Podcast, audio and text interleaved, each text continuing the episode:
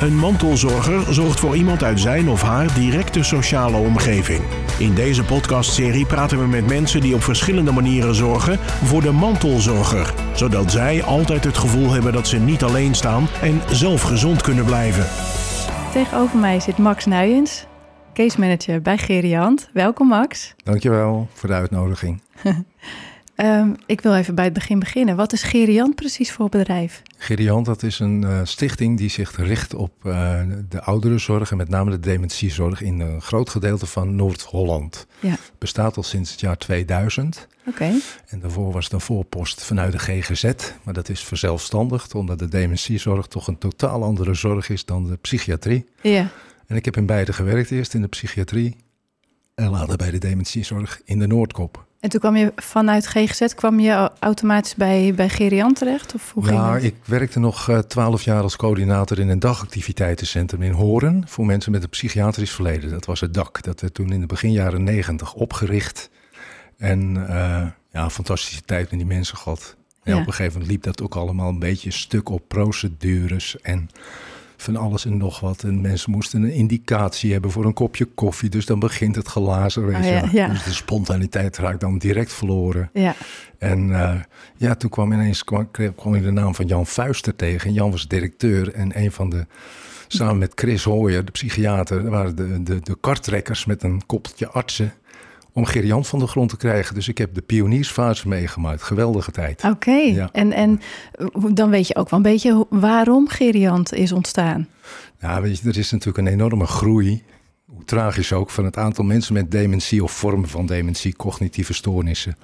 En dat wordt alleen maar meer op dit moment. En uh, als ik zie hoe, dat, wat, hoe de, de, de, de verwijzingen ons toekomen, nou nou, dat is, dat is behoorlijk. En ook, ja. ook jonge mensen, jongere mensen. Ja. Die hadden we altijd wel, maar toch nu toch wel in forse mate hoor. En hoe komt dat, denk je, dat er nu meer jongere mensen... Nou, er is gewoon nog een brede bevolkingsaanwas uh, op dit moment van na de Tweede Wereldoorlog. Ja. En die generatie uh, gaat, uh, ja, het komt aan de beurt. Ja. Ja, dus het is niet zo dat de mensen met dementie jonger worden, maar het is zo dat die generatie die nu zeg maar aan de beurt is om, om dementie te krijgen, dat die gewoon groot is. Ja, weet je, het is ook veel beter bespreekbaar. Het komt veel eerder op tafel. Ja. We hebben een vriendin en de moeder, die was 46 en die deed een beetje maf.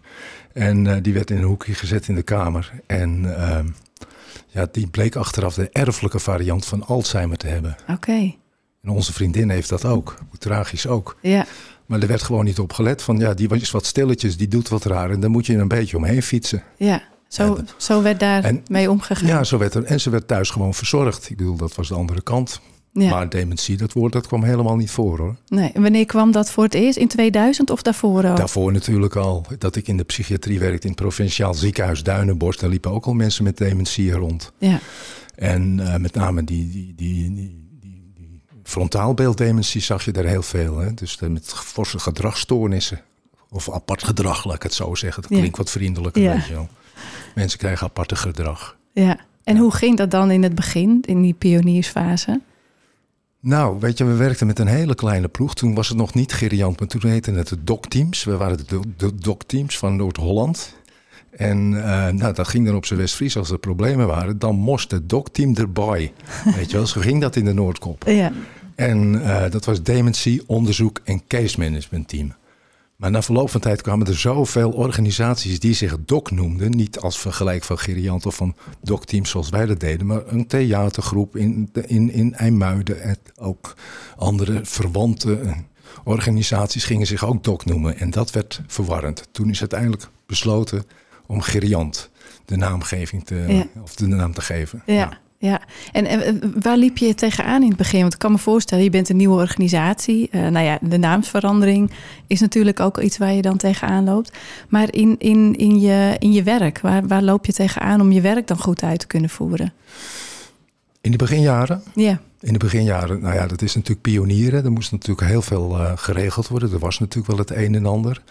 Uh, waar je tegenaan liep is bijvoorbeeld lange wachtlijsten in de, in de, in de Noordkop. Want er was niet zoveel uh, aan voorzieningen wat, wat nu het geval is. Als je vergelijkt met, ik kan dat niet in percentages uitdrukken, of in het aantal bedden. Ehm, of, of woonplekken moet ik eerlijk gezegd, want bedden klinkt niet zo eh, geweldig. Maar dat was er zo eh, niet zo erg. Dus er werd heel erg gediscussie- gediscussieerd wie dan opgenomen mocht worden, bijvoorbeeld. Ja. En dat gaf dan toch wel een bepaalde druk. We hebben het altijd nog gered omdat Geriant of de dokteam in het begin ook beschikte over noodbedden. Dus wij- Zelf? ja, en ik, ben later de wachtlijstcoördinator geworden. En wij maakten zelf een selectie, en de lat lag hoog hoor, van iemand die dan op zo'n noodbed mocht. Want als je dat systematisch blijft doen en mensen hebben er lucht van. Want echt, ze houden advertenties in de krant in de gaten van of er weer ergens een open plek vrijkomt. Oké. En beginnen gelijk te bellen. En, en, en dat was dus een, een noodbed voor iemand met dementie. Ja. En, en waarom was zo'n noodbed dan nodig? Nou, stel eh, iemand is behoorlijk dementerende, hè, van het padje af om het maar zo te zeggen. En de partner komt, eh, valt van de fiets, breekt de heup en ligt vier weken in het uh, ziekenhuis. Toen Ja. heette het nog Gemini ziekenhuis, dus ik ben een beetje een ouderwetse man aan het worden, merk ik. en ja, dan is er een groot probleem op dat moment. Dan kan de familie wel wat, eh, wel wat opvangen, maar Monique, ik geef het je te doen. Ja. Hè, als, als je de partner, en je, moet met je, en je hebt zelf kinderen en je moet op je moeder of op je vader passen, wie het ook betreft. Ja. En de hele dag door. En eh, dat, dat hou je niet lang vol. Dat is Nee. een paar dagen. En Ja, en dan moet er toch wat gebeuren. Ja. En daar was het noodbed voor. Ja. En, maar ik kan me voorstellen inderdaad, als iemand zijn been breekt... ja, dan heb je zo'n noodbed wel nodig. Maar je zegt ook, mensen hielden advertenties in de gaten. Dat betekent dus ook dat ze preventief naar die noodbedden zochten, of niet? Nou, de noodbed, dat was dus uitsluitend voor noodgevallen. ja, Maar we hadden natuurlijk ook een reguliere wachtlijst. En dan, over, en dan gingen we ook wekelijks in overleg met toen de tijd met verpleeghuis Den Koog en met eh Magnus of in Schagen. En dan stelden we op een gegeven moment een top drie van mensen samen die aan de beurt waren. En die al een langere tijd gewacht hadden. ja, Juist om te voorkomen van wie het hardste schreeuwt, is het eerst aan de beurt. ja, ja, precies. Dus ja, dan, als het wel het geval was, en dan zochten we een plek buiten de regio, maar we haalden de mensen altijd weer terug op het moment als ze aan de beurt waren. ja. Dus dat kan je eigenlijk ook een beetje vergelijken met de respijtbedden van nu? Ja, respijtbedden, dat is natuurlijk weer een heel ander verhaal. Dat is weer een alternatieve stroom. Dat is een tijdelijke stroom natuurlijk, hè, waar mensen dus tijdelijk kunnen verblijven. Ja. En eh, dus En, maar een noodbed is dat niet? Dat is geen tijdelijk? dat is, nee, nee, dat is geen noodbed. Dat kun je gewoon plannen. Ja. Dat zijn logeerbedden. Nee, sorry. Ik heb het over jullie wachtlijst die jullie in het begin hadden. Die bedden. Ja, Zijn dat tijdelijke bedden of, of waren dat ook eh, voor, de, voor de lange termijn? nou, dat was, dat was voor de lange termijn permanent wonen. Ja, mensen Oh, werden gewoon eh, opgenomen in de, Ja. in de voorzieningen die er toen waren. En dat waren er echt twintig jaar geleden niet zoveel hoor, Nee, in de Noordkop. nee. Dat was echt schaars. En nu zie je een tuin van duizend en één bloemen ontstaan. Van eh, voorzieningen van particulier of semi-particulier. We hebben nou weer een prachtige voorziening in Schagenbrug. Ik heb er geen aandelen hoor. Misschien klink ik wel enthousiast. maar het ziet er gewoon prachtig uit met een heel mooi Ja. zorgconcept. En wat is dat dan? Dat is het Max Plazierhuis. Dat is niet naar mij vernoemd, overigens.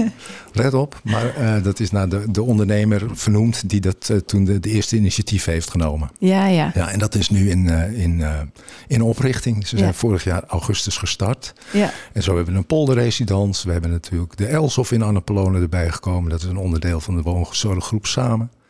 En, heel veel, en, en in Lelypark in Wieringenwerf is verbouwd. En eh, er zijn plannen voor een terphoeve aan de Westerterfweg tussen Slootdorp en Wieringenwerf. Oké. Dus ja, we hopen daardoor de, de druk van die wachtlijsten wat weg te kunnen nemen. En mensen hebben keuze. Ja. En nou wil ik daar iets bij zeggen, Monique. Ja. Eh, ik kijk je niet streng aan hoor, maar ik, ik, wil, ik wil eens zeggen van, van eh, we kijken altijd bij plaatsing, eh, kijk door de bril van degene waar het om gaat. Ja. Ga niet kijken naar jezelf van wat jij het mooiste vindt. Ik heb ook overleg met de wachtlijst van Warm Thuis. Daar, eh, dat is de twee zorgboerderijen in Oterleek en in Zuidermeer. Prachtige voorzieningen. Ze gaan een derde bouwen in Grosthuizen. Ja. Daar hadden ze op een gegeven moment een man uit Amsterdam geplaatst van Antilliaanse kom af. En de familie vond het geweldig. Gras, oh wat is het hier heerlijk buiten en lekker de zonstralen en lekker, lekker buiten bij de koeien. Maar die man had totaal geen affectie met gras, met koeien, met buiten, niks. Ja. Die is uiteindelijk naar verpleeghuis Magnushof gegaan. En daar hebben ze hem eigenlijk weer redelijk op de rit gekregen. Want hij werd helemaal stapeldol daar. Wat ik wil zeggen is, kijk door die bril van de dementerende. Ja. Kijk niet door je eigen bril. En hoe doe je dat? Want eh, ik kan me voorstellen dat eh, iemand die vergaande dementie heeft, dat, dat is lastig communiceren. Ja, dat is heel lastig communiceren. Maar je moet de mensen kennen. Ja.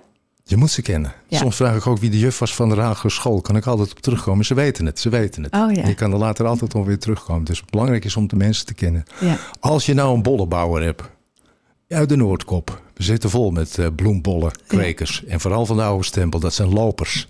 Dat zijn mensen die meters hebben gemaakt tussen die bollenvelden. Die die virussen moesten zoeken en die verkeerde tulpen eruit moesten halen. Of vol trots met de familie door het land heen sjouwden. Van kijk eens, Mien, wat hebben we mooi voor elkaar. Ja. Als je die man of vrouw zet op een kleinschalige woonvorm waar je tot elkaar veroordeeld bent in een kleinschalige setting, dan zeg ik jongens, ga eens in Magnushof kijken in Schagen. Of in verpleeghuis Ten Koog. Daar heb je lange gangen waar mensen uit de voeten kunnen. En in de vroege, hè, dat geheugen rolt op terug naar vroeger. Dus Ja. eh, ze komen weer in de bolle tijd terecht. En in vroeger en met schoffelen en alles en nog wat. En Ja. daar, kunnen ze, daar kunnen ze rondkuieren, hebben ze ruimte.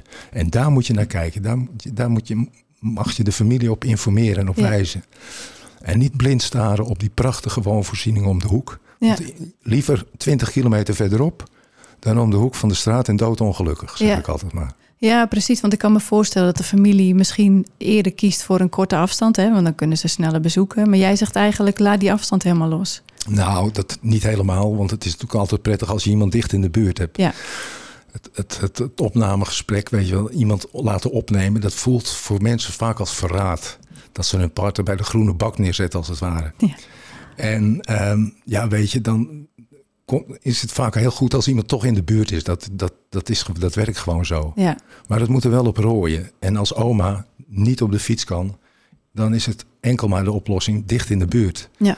Maar kinderen hebben allemaal auto's en eh, we hebben heel veel voorzieningen. Dus kijk eens links en rechts rond waar iemand het beste past. ja, ja. En, en wat ook haak staat op die lange wachtlijst die er is. Hè, want je kan wel zeggen, ik wil daar naartoe. Maar als een wachtlijst van twee jaar is, wij schatten het proces in. En als je denkt, ja, nou, jongens, dat wordt krap. We gaan ook een alternatief zoeken hoor. Ja. Want anders redden we het niet. ja. Is, dat, is dat ook jouw functie als case manager? Dat je ook dat soort eh, dingen bekijkt? En, en, eh, Ja. want leg eens uit, wat, wat is jouw rol precies richting de, de mensen met dementie en Nou, de naasten? Eigenlijk de centrale figuur hè, Ja, in, het, eh, in, het, in het verhaal nog wel hoor. Want er zijn natuurlijk allerlei... eh, eh, ik zie Marianne hier naast me zitten. En Marianne is zich natuurlijk ook aan het profileren en aan het uh, Marianne Wel van het Mantelzorgcentrum. En als organisatie fantastisch. ja, Maar dan heb je, er is veel meer overlap met elkaar op elkaars terreinen dan dat dat twintig jaar geleden was. ja. En, eh, ja, dat, Is dat erg? Is die overlap erg? Nou, dan moet je wel scherp eh, elkaar in eh, helpen begrenzen. Ja. dat niet iedereen hetzelfde gaat doen. Want soms komen er zoveel mensen bij mantelzorgers over de vloer... dat ze door de bomen het bos niet meer zien. Ja. Ik zeg arrogant, je doet niks zonder Max. Als er wat is, dan bel je Max. En er was de laatste vrouw op Wieringen die dacht, dat had ik ook zo gezegd... die dacht dat oproep Max kwam. dus ik moet ook een beetje op woorden. Dat was geweldig. Het centrum van Hippolytus hoef joh. Ja. En die zaten er helemaal voor klaar. Want oproep Max zou komen. Ja, het schiet ineens te binnen. Sorry, ik ben, ik ben Nee, nog wel dat- een beetje associatief tussen. ja, maar niet, niet om te zeggen van ik weet het. Maar Ja. ik, moet, ik wil als case manager weten wat er allemaal gaande is. Wat er Ja. aangevraagd wordt, wat er loopt. En eh, het werkt heel simpel, Monique. Eh, het is op zijn Westfries. Je zet ergens de stok in het land. Waar staan we nu in het proces? Maar waar staan we over een half jaar? Ja. En daar neem je de mensen in mee. En Ja. ook de mensen met dementie. Je moet niet afwachten tot het medderen wordt. En aanrommelen. En dat het vastloopt. Want dan ben je te laat. Dan moet je van alles nog ehm, in gang gaan zetten. ja. En hoe, hoe komen mensen dan bij jou? Eh, aanmeldingen verlopen via de huisarts, maar het gaat ook wel eens over de schutting. Over de schutting van, eh, van nou ja, die? Want daar is het ook niet pluis. Ik had Oh, ja. een paar postbodes in de Wieringenmeer en die zeiden me dan in. Niet dat ze over de privacy heen gingen, joh, die postbus wordt niet gelegd. Oh, Weet ja. jij daarvan? Ja, Nou, dat vermindert wat, want er is veel meer vroegsignalering. En eh, de boertjes die vereenzaamden of eh, helemaal verworden waren op de boerderij, ja, die, eh, die zijn een stuk, die zijn bijna schaars aan het worden, laat ik het zo zeggen. ja. Eh, dat soort, er komt gewoon een andere generatie aan. ja precies. Ja, maar de verwijzing loopt in principe via de huisarts of de klinisch geriater van het ziekenhuis. Maar ik, als ik signalen hoor, of misschien Marianne wel, eh, dan kunnen we ook een huisarts informeren. Joh, zijn jullie op de hoogte van de situatie? Want je hebt ook een burgerplicht. ja, We kunnen alles wel dichttimmeren met, met privacy, privacy. Ja. maar dat werkt niet. Ik sterker nog, als ik op Wieringen ben, dan werk ik sinds een paar jaar. ja, Want een van mijn vorige collega's die kon daar de slag niet maken met de Wieringers. Nou, je bent reddeloos verloren. ja, Die weten mijn hele agenda uit haar hoofd. Als ik 's morgens ergens begin, waar drink jij koffie? Is ze dan? Ja. Want ze weten dat je... En dan let je ook een beetje op die en Dus, die. dus je hebt ook bepaalde dagen dat je echt in Wieringen zit. Ik heb op bepaalde dagen dat Ja. ik heel graag op Wieringen ben. Maar ook Ja. in de andere dorpen hoor. Ja, En zo op elk dorp zijn eigen, eigen typering. De Wieringmeer functioneert weer heel anders dan, dan eh, Wieringen. Dat was van oudsher, was, het zat er altijd wel een beetje strijd tussen. Dat zit er nog in in de oudere generatie. Als je in een dorp komt als het veld, dat is weer een heel ander dorp dan dat losbollige Nierop, weet je wel. Waar de tuinen elkaar overgroeien en, en, en, en het veld. Prima mensen hoor, maar- maar petuniaatje, Afrikaantje, petuniaatje, globeliaatje en Ja. eh, kantjes geknipt en alles en nog wat. Dat zit heel anders Ja. in elkaar. ja. Wo- Weet je- Word je daar ook een beetje op geselecteerd binnen Gerian? Van nou, jij kan maar beter naar Wieringen, want dat past beter bij jou dan bijvoorbeeld Herengewaard. Nou, ik kreeg toen de keuze voorgelegd van, eh, van, eh, van Herugewaard of Alkmaar. Hij, toen zegt Jan Vuisten, Jan, oh, hij zegt of zou de Noordkop wat voor jou willen, kunnen zijn. Ik zeg, geef mij die Noordkop maar. Ja. Ik kom met de polder, ik kom met Beemster. Oh ja. Dus dat, ja, geweldig, geweldig, ja. Ja, ja. Dus dat klikt ook wel. Is Ja, dat, is dat ook wel belangrijk eh, in jouw werk? Ja, nou, dat is wel belangrijk dat je natuurlijk wel affectie hebt met het gebied. Maar voordat je begint, we hebben, eh, het zijn, die mensen hebben een verband met elkaar. Leer die dorpen kennen. Dat is Ja. ook, ook belangrijk. Ik lees soms de blaadjes uit het dorp om te weten wat er speelt. En dan kan Oh, ik dat ja. terugkoppelen naar de mensen. De niet-dorp is er eentje. Voorheen had je het krantje in de Wiering meer, meer boden. Ik las hem gewoon. Ja, Ja, want dan heb je ook een praatje met de mensen. En dat is ook zo prettig. En ik ben ook een prater hoor. Ik bedoel, eh, ik weet niet hoeveel tijd we nog hebben. Maar het gaat, het gaat natuurlijk op een gegeven moment... eh, ja. daar zijn we gewoon klaar hoor. Dan eh, zijn we uit de lucht. En dan merk je dan vanzelf. gaat, het, gaat ineens het licht uit. Ja. ja, ja, Nee, er valt heel veel over te vertellen. Dus, Ja, en die mensen hebben een verband met elkaar. Die weten van elkaar. En dan pak ik weer even terug op Wieringen. Waar de knelpunten zitten. Dan kan je zeggen dat is bekrompen. Nee, ze helpen elkaar ook weer daardoor. Ja. Dus ze bouwen ongemerkt met elkaar een steunsysteem op. Ja. Je moet Max bellen of je moet mijn collega Manon bellen. En, en eh, weet je, dat is, dat is het goede ervan. Ja. Een ander dorpje, Slowdorp, is ook zo'n geweldig dorp. Als je dement wil worden in je leven, wens het je niet toe. Een hele zorgzame gemeenschap. Ja. Heel anders dan Wieringenwerf. Niet dat er geen zorgzame mensen in Wieringenwerf zitten of in Middenmeer. Maar houden ze in de gaten. Die Elfrink, die supermarktman, die weet dat. Het personeel is gewoon getraind. En als, als moeder daar vier, vijf keer met hetzelfde komt, ze weten dat gewoon op te vangen. Ja. En dat is zo En, knap. en- en ben jij daar dan nog wel nodig in Slootdorp?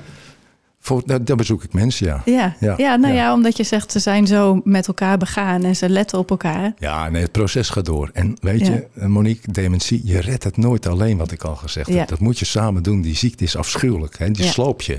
Maar die sloopt ook de mantelzorgers. Ja. En eh, dat moet je goed gaan begeleiden. Dus zorgen dat je die taak kan verlichten. Maar de, de leidersdruk, die neem je niet weg. Als jij je man helemaal ziet verdwalen... en s'avonds op de bank tegen, die tegen je zegt... joh, wie ben jij? Ja. Nou, dat is wat. Ja. ja. En hoe neem je mensen mee, eh, die, de mensen met dementie, hoe neem je die mee in zo'n gesprek als je daar thuis komt? Altijd serieus nemen. Ja. Ook moeilijke beslissingen. En ik zeg het al van, vaak van tevoren. Joh, het zou best kunnen zijn dat er op een moment komt dat ik er ben... dat ik een moeilijk, iets moeilijks moet gaan vertellen tegen je. We hebben er weet van. Mag je dat ook rechtstreeks zeggen? Dan weten ze ervan. Niet Ja. eerlijk blijven. Ze hebben Ja. haarscherp in de gaten. Dat voelen ze gewoon aan. Dat jij daar stiekem zit te smoesen met iemand daar in die achterkamer. En eh, dat moet je nooit doen. Nee. Dus gewoon eerlijk blijven. En gedoseerd ook je dingen zeggen. Ja. En zeker naar opname toe. Ik, eh, heb ik ook wel eens tegen die, die Noordkopmannen. Ik zeg, ja, ik weet dat je er niet om staat te springen. Maar doe het dan voor je meisje. Oh ja, ja, precies. Ja. Dus je, je kijkt echt naar de mensen die je voor je hebt en, en op die manier nou ja, ga je ook met ze in gesprek. Ja, en overal is het verschillend hoor. Dus Ja. je, je hebt niet één model. Ik nee, dat- precies. Nee, maar Nee. ik probeer wel vaak gewoon mezelf te blijven. Ja. Ja. En, en heb je ook wel eens mensen niet kunnen helpen? Ja, sommige mensen die ehm, kunnen geen hulp accepteren. Dat, is wel, dat is wel eens lastig. Dat zit er niet in. Die zijn Ja. nogal zelfredderig. Die willen alles zelf gaan doen. Ja. Ja, die lopen uiteindelijk vast. Maar dan in die end kun je ze wel helpen. Dus dan loop je gewoon mee. ja. Ja. Dus je zorgt dat je beschikbaar blijft. Je altijd beschikbaar blijven. Ja. Telefoonnummer achterlaten of dat van je collega. En weten waar ze terecht kunnen. Ja. Dat is het. Hè. Het kunstje is eigenlijk ook, je moet mensen een, een x-aantal troef op zak geven. Dat als dit gebeurt, dan eh, bel ik de huisarts. Als dat gebeurt, bel ik de thuiszorg. En als dat aan, iets anders gebeurt, dan kan ik een beroep doen op mijn collega of op Geriant, op Max of, of iemand anders of op een buurvrouw. Ja. En dat geeft ook vaak rust. Het kunstje is ook van dat ze weten van op die, van die man of die vrouw, daar kan ik op aan. Ja. En dan hoef je daar niet elke week op de stoep te staan. Maar wel komen op het moment als het nodig is. Ja. Ja, en dat is, dat is ook feeling hebben hoor. Dat is ook het vakwerk hoor. Het is niet zo'n makkelijk vak, maar het is wel een geweldig vak. Ja, ja. ja wat, wat maakt jouw vak zo geweldig? Nou, gewoon de diversiteit. En, en als ik dan, de, weet je, door die Wieringen meer rij en, en, en Wieringen en, en, en die dorpen, weet je, dat, dat is fantastisch. Ja. is fantastisch. Ja, het is geen te beschrijven hoor, zo mooi. Ja. En, en heb je dan ook nog bepaalde, nou ja, sowieso denk ik mensenkennis hè, en, en, en dat je ook echt met mensen wil werken. Maar wat heb je nou echt nodig om een goede case manager te zijn? Ik heb theaterschool gehad. En dat, dat, is, dat werkt wel. Geweldig. Ja. Niet dat ik theater speel, maar je kan op een andere manier heb ik leren kijken naar mensen. En hoe dan? Dementie is een bepaalde vorm van kunst een bepaalde naïeve vorm van kunst, hoe mensen dat kunnen verwoorden. Mijn schoonmoeder uh, raakt dement. En die heeft het dan over, patat, ze kan het niet meer beschrijven. Maar van die dingetjes, van dat, van dat frutseltjes en van dat dingetjes. En, dat gaat terug naar de kindertijd. Vroeger noemden ze het ook kinds. Ja. Mensen worden kinderlijk. Dat geheugen rolt op terug naar vroeger. En die verwondering die ik bij mensen zie, ja, is prachtig. Is poëzie. Ja. En hoe, hoe kan je dan dat weer aan de mensen teruggeven? Of nou, bijvoorbeeld aan de mantelzorger teruggeven? Nou ja, dat, nou, dat is niet altijd terug te geven. Dat is wat, je, wat mijn werk ook plezierig maakt. En nogmaals, hoor niet dat ik theater speel of zo, maar je hebt een bepaalde blik. Ja, dus je kijkt er op een andere manier naar. En dan kan je er op een andere manier naar leren kijken of andere dingen op een andere manier interpreteren. Zou dat een mantelzorger ook helpen? Om er naar die manier, op die manier naar te kijken? Nou, ik, uh, ik wens niet alle mantelzorgers toe om naar de toneelschool te gaan. dat is nogal lange weg te gaan. Maar het is een bijkomstigheid waarvan ik merk, net zo goed als mijn ervaringen vanuit de psychiatrie, die je heel goed kunt uh, gebruiken. Ja. ja en ik draai natuurlijk alweer gezien de jaren alweer een tijdje mee. Hè. Dus, uh, ja, ja. En, en eh, heb jij dan nog een, een tip voor mantelzorgers hoe ze dan, nou ja, of met, met de situatie om moeten gaan? Humor. Humor. Humor. Als, en als je nou geen humor hebt? Ja, toch zit er altijd wel iets van, van humor bij mensen. Ik, ik heb zelden mensen die totaal humorloos door het leven gaan. Ik heb eens Amsterdamse echtpaar gehad. En dat zal ik nooit vergeten. Die, uh, die vrouw die, eh, die vergat van alles. En toen zegt ze, leren, waar ligt het nou? Op zijn Amsterdamse. Ja. Toen zegt hij, oh, komt die kerel die Alzheimer weer voorbij. Zal hem even wegskoppen. Skop hem wel het erfst af, min. En zo ging dat dan. Ja, ja, en dan lachen en de luchtigheid. Kijk, het proces neem je niet weg. Nee. Maar het geeft wel ontspanning. En op het moment als er ontspanning is, dan gaan mensen beter functioneren. Ja, maar Hoe, hoe pak je humor erbij als je zo nou ja, het, als je het niet meer zit zitten, als je overbelast bent. Hoe... Ja, op een gegeven moment red je het natuurlijk niet meer. En nee. helpt de humor ook niet meer. Nee. En weet je, je houdt het zelden tot het eind dan toen vol met, met iemand met dementie thuis. Dat, eh, dat is die ziekte, die slopen mensen. Die ja. gaan s'nachts aan de haal of die worden incontinent. En die doen dingen die ze niet overzien. Het wordt onveilig. Ja. Wonen mensen te lang thuis, vind jij? Wij zijn er juist op gericht om mensen zo lang mogelijk, maar wel op een goede en veilige manier thuis te laten wonen. Ja. Dat is de insteek. Maar je moet niet wachten tot het gaatje. Nee, nee ja, het, is ook leuk voor medewerkers in instellingen dat mensen daar toch nog een beetje fris binnenkomen. Ja. Ja. En die slag kunnen maken aan een nieuw, in een nieuwe woonomgeving. Ja, precies. ja. Nou, uh, Max, we zijn dus inderdaad aan het eind uh, van dit gesprek gekomen. Nou, kom graag nog een keer terug. nou, je bent van harte welkom. Uh, bedankt voor het gesprek, tot zover in ieder geval. Wil je nou nog meer weten over dit onderwerp? Ga dan naar onze website mantelzorgcentrum.nl. Bedankt voor het luisteren en tot ziens. Dit was Mantelzorger. En nu een samenwerking tussen Streekstad Centraal en het Mantelzorgcentrum. Meer informatie over mantelzorg is te vinden op mantelzorgcentrum.nl.